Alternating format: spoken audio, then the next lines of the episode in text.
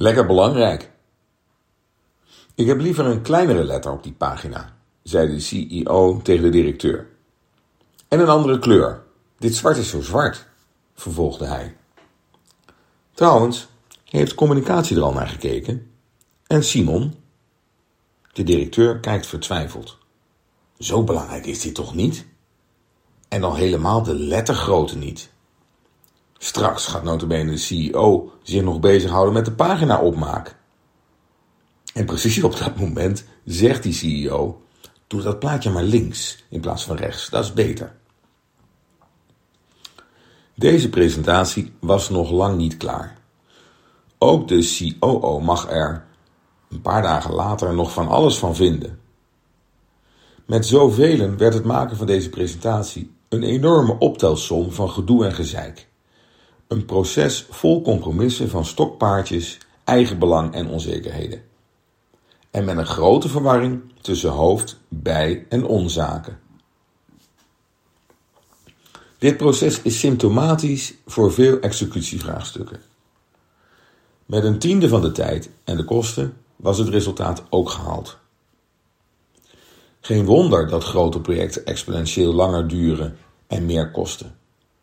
Zolang we de hoofd, bij- en onzaken niet beter weten te scheiden en iedereen overal zijn plasje over mag blijven doen, duurt alles net zo lang als dat er tijd voor is. Voor executie is draagvlak natuurlijk onontbeerlijk. Sterker, ideeën worden sterker van samenwerken.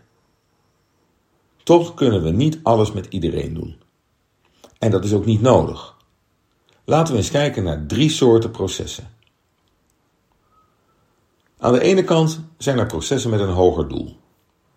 Dat doel verheft, zodat alle kleine eigenbelangen en onzekerheden verdwijnen.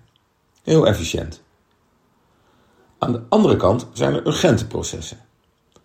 Onder de druk worden onderlinge tegenstellingen vloeibaar en leveren we een stuk van ons eigen belang in. De crisis als smeerolie. In beide gevallen is het resultaat van het geheel belangrijker dan het belang van een deel. Tussen deze twee uitersten zitten stroperige processen. Aan goede ideeën geen gebrek, maar vertraging is ingebakken. Omdat iedereen moet meedoen, wordt de stroop al snel oeverloos. Natuurlijk moeten we expertise inzetten, creatieven benutten en eigenaarschap realiseren. Maar dat hoeft niet altijd met iedereen. De remedie voor deze derde categorie is vooraf met elkaar het proces vast te stellen. Het is beter vooraf bewuster te sturen op wie, wat en wanneer we nodig hebben om het doel, een besluit of een opinie of een keuze te realiseren. En draai het daarin om. Kijk niet naar wat we allemaal zouden kunnen, maar naar wat we zonder kunnen.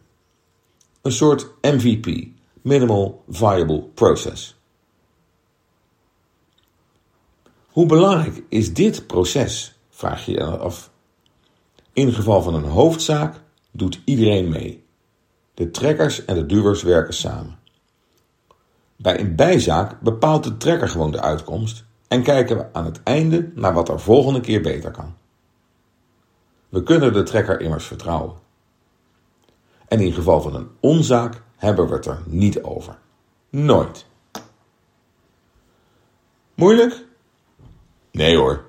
Gewoon daar waar je iets onbelangrijks aantreft, zoals de lettergrootte en kleur in dit voorbeeld, elkaar aankijken en benoemen. Lekker belangrijk!